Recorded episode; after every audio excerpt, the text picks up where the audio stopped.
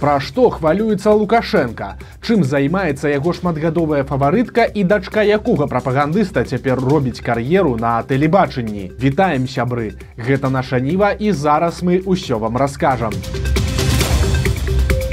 Загадкавая смерць адбылася ў віцебску. Алексей старавойтаў да 23 -го года кіраваў выпраўленчай калоніяй нумар 3, таксама вядомай як відзьба.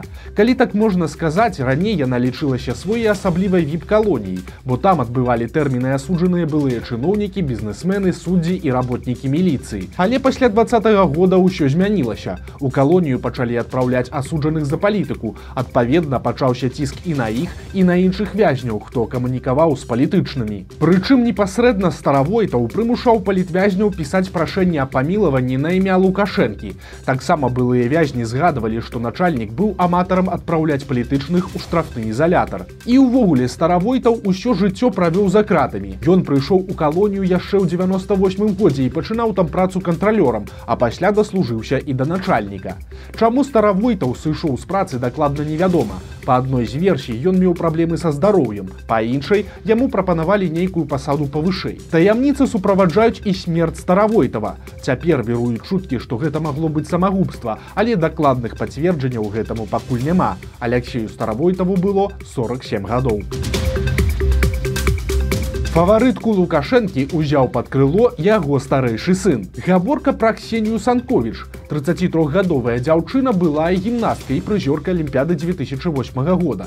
Але славу яна займела як фаварытка мільянера Юрыя Чыжа, колішняга сябра Лукашэнкі, а пасля апальнага бізнесмена, які прайшоў праз турму і згубіў амаль увесь бізнес. Але нават пасля арышту чыжа Санковіч засталася ў кавуновым батальёне Лукашэнкі. Таксама разам з ім былую гімнастку бачылі на шматлікіх мерапрыемствах. Цяпер Санковіч працуе вядучай на тэлеканале АНТ, а таксама робіць кар'еру спартыўна дзяржаўнага функцыянера. Яна працуе ў нацыянальным алімпійскім камітэце, якім кіруе старэйшы сын лукашэнкі Віктор. І цяпер Санковіч атрымала там пасаду генеральнага сакратара арганізацыі. Цікава, дарэчы, што днямі Санковіч паляцела ў рассію не разам са сваім начальнікам, а з яго бацькам. Пакуль Віктор Лукашенко знаходзіўся ва ўладзівастоку, Ксенія была на адкрыцці гульня ў будучыні ў казані, куды лятала беларуская дэлегацыя на чале з Александром Лукашенком.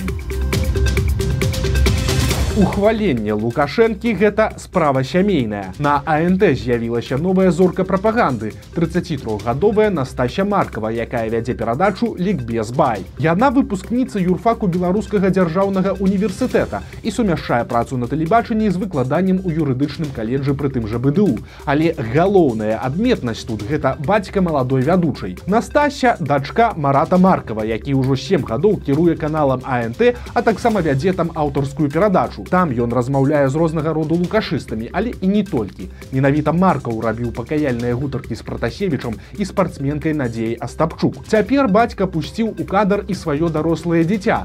Настасья маркава хваліцца, што сама прыдумала сваю рубрыку, але новага ў ёй нічога няма. Гэта звычайная лукашанкаўская прапаганда. У сваім першым выпуску дзяўчына пляжала эмігранту і расказвала пра важнасць дэкаратыўных дэпутацкіх выбараў. Адпаведна і цікавасці ў гледачоў гэта не выклікала. На Ютубе перадача маркавай сабрала менш за 4000 пераглядаў.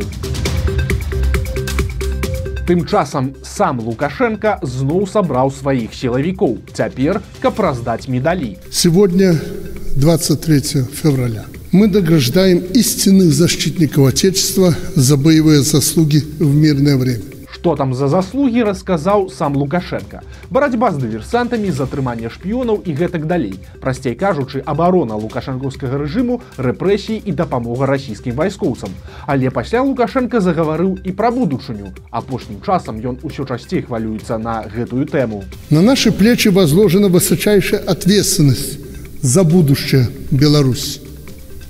И речь не только о готовности встать на ее защиту с оружием в руках – не допустить втягивания страны в конфликт. Сегодня как никогда важно ваше участие в воспитании подрастающего поколения. Вы живой пример этому поколению. Тут праўда заўважым, што на лукашэнкаўскай цырымоніі паказалі, напрыклад, і былога кіраўніка губазіка паршына. Ён вядомы скандальнай бойкай 16гадовым падлеткам, якая скончылася не на карысць афіцэра. Тады паршын атрымаў сотрашэнне мазгоў, а пасля дастаў пісталлет і стрэліў у нагу школьніку. За гэта сілавік не толькі не панёс аніякага пакарання, але і нават атрымаў павышэнне. Просто сёння Лукашенко уручыў яму пагоны генерал-майора. Вось такі жывы прыклад і выхаванне моладзей. Беларускі трактар падставіў сябра лукашэнкі. Прэзідэнт Зімбабве Нангагва на святкаванні мясцовага дня моладзі вырашыў перадаць той жа моладзі падарунак у выглядзе беларускага трактара. Нангагва нават сам залез за руль, але затым здарыўся канфуз. Трактар не захацеў заводзіцца. На відэа бачна, як вакол трактара, за рулём якога сядзіць зімбабійскі лідар, бегаюць ягоныя памочнікі і стараюцца высветліць прычыну няспраўнасці. Працягваецца гэта каля дзвюх хвілін. Пасля відэа адключаецца і ўключаецца зноў у момант, калі трактар усё ж такі працуе. Камічнасці ўсёй гэтай сітуацыі дадае і тое, што сёння прэзідэнту Зімбабве перадалі новыя падарункі ад лукашэнкі. Беларуская дэлегацыя на чале з міністрам замежных спраў алейнікам уручыла 81гадовому Нангагве ноутбук ноутбук гарызонт але ці адразу запрацаваў гэты дэвайс не ўдакладняецца але ж напэўна пасля эксперыенса з трактарам публічна дарыць камусьці ноутбук нангагва ўжо не наважыцца. Навіны беларускай медыцыны. Лукашенко подпісаў новы указ Грошы мацярынскага капіталу забаронена траціць на медыцынскую дапамогу ў прыватных установах. Цяпер імі можна разлічвацца выключна ў дзяржаўных клініках. Здавалася б, ну і што? Тычыцца гэта далёка не ўсіх, бо такую дапамогу даюць толькі пасля нараджэння трэцяга дзіцяці. Але ж гэта чарговы трывожны званочак, бо днямі новы міністр аховы здароўя хаджаю звярнуў увагу на прыватныя медцэнтры і абурыўся. Маўляў, а чаму гэта іх паслугі каштуюць у некалькі разоў даражэй, чым у дзяржаўных паліклініках. Цяпер вось такі працяг. Прычым падобна, што гэта не канец, а толькі пачатак пільнай увагі дзяржавы да прыватнай медыцыны. Ну а чым такая увага звычайна скончваецца, вы, напэўна, і самі добра ведаеце. І дарэчы, праходжаева. На адкрыцці паліклінікі ў Оршы ён загаварыў пра вялікую праблему апошняга часу, недахоп кадраў у медыцыне. Рашэнне яе на думку міністра вельмі простае. Правесці дадатковы набор у медуніверсітэты і каледжы і ўсё будзе добра. Праўда, прыйдзецца пачакаць 5 гадоў. Лукашенко больш не пойдзе на выбары. Такую версію агучыў аналітык Сергей Чалы. Ён мяркуе, што прайграныя выбары два -го года нанеслі Лукашенку моцную траўму і паўтараць падобны вопыт ён не рашыцца больш ніколі. Таму Лукашенко і прыдумаў, што ўсе беларускі народны сход атрымае вялікія паўнамоцтвы, каб пасля яго і ўзначаліць. Чалы мяркуе, што Лукашенко стане пажыццёвым старшынём гэтага сходу, а прэзідэнтам будзе ўжо нехта іншы. Версія можа і спрэчная, але вельмі цікавая. Ці спраўдзіцца яна, убачым ужо праз год Памаліўся значыць памыліўся. Пастара з навалукомля александра зарэцкага затрымалі за тое што на яго набажэнствах гучала малітва за спыненне вайны ва ўкраіне. Раней мясцовыя ідэолагі неаднаразова выказвалі прэтэнзіі з гэтай нагоды і пагражалі пераследам. Незадаволенасць уладаў выклікала і тое што пастар адмаўляўся удзельнічаць у палітычных мерапрыемствах якія яны ладзілі. Прычым пераслед святара пачаўся не сёння. У зарэцкага ўжо праводзілі ператрусы а таксама яго судзілі за лайкі і рэпосты ў садсетках. За гэта пастар правёў месяц за кратамі, атрымаўшы двойчы па 15 сутак арышту хапун адбыўся на гомельшчыне чалавекі прыходзілі да людзей у петрыкаве і жыткавічах там ёсць затрыманыя вядома як мінімум пра шасцярых чалавек якіх схапілі падчас гэтых рэйдаў некаторых вінаваціць у звычайных рэпостах іншых у абразе лукашэнкі распаліванні варожасці і ўдзелі ў пратэстах прасцей кажучы за фатаграфіі і каментары за такія злачынствы затрымліваць людзей адправілі новаствораны карпянкоўскі атрад спецназа буран сілавікі самі паказалі як людзей жорстка круцілі узброеныя байцы ў бронекамізэльках Бюджэтнікаў чакаюць новыя сюрпрызы. Чыноўнікі вельмі хочуць увесці школьную форму не толькі для вучняў, але і для настаўнікаў. Такі эксперымент ужо пачаўся ў школах мінскага района і выглядае гэта па-рознаму, бо колеры і фасоны ў розных школах сваі. Прынамсі пакуль. Але ж дзяржаўная прэса ўжо радасна рапартуе, якая гэта добрая ідэя. Маўляў, ад аднолькава апранутых настаўнікаў дзеці пачалі лепш вучыцца. Так што у будучыні работнікам школ падрыхтавацца. Усе агульная уніфікацыя іх яўна не аб мяне. У гродні зрабілі медаль, ад якога прыгарыць у мясцовых даносчыкаў. Летам там пройдзе масавы забег под назвай гарадзенская вандроўка, маршрут якога ідзе па старых гарадскіх вулачках і арганізатары паказалі медаль, які атрымаюць удзельнікі.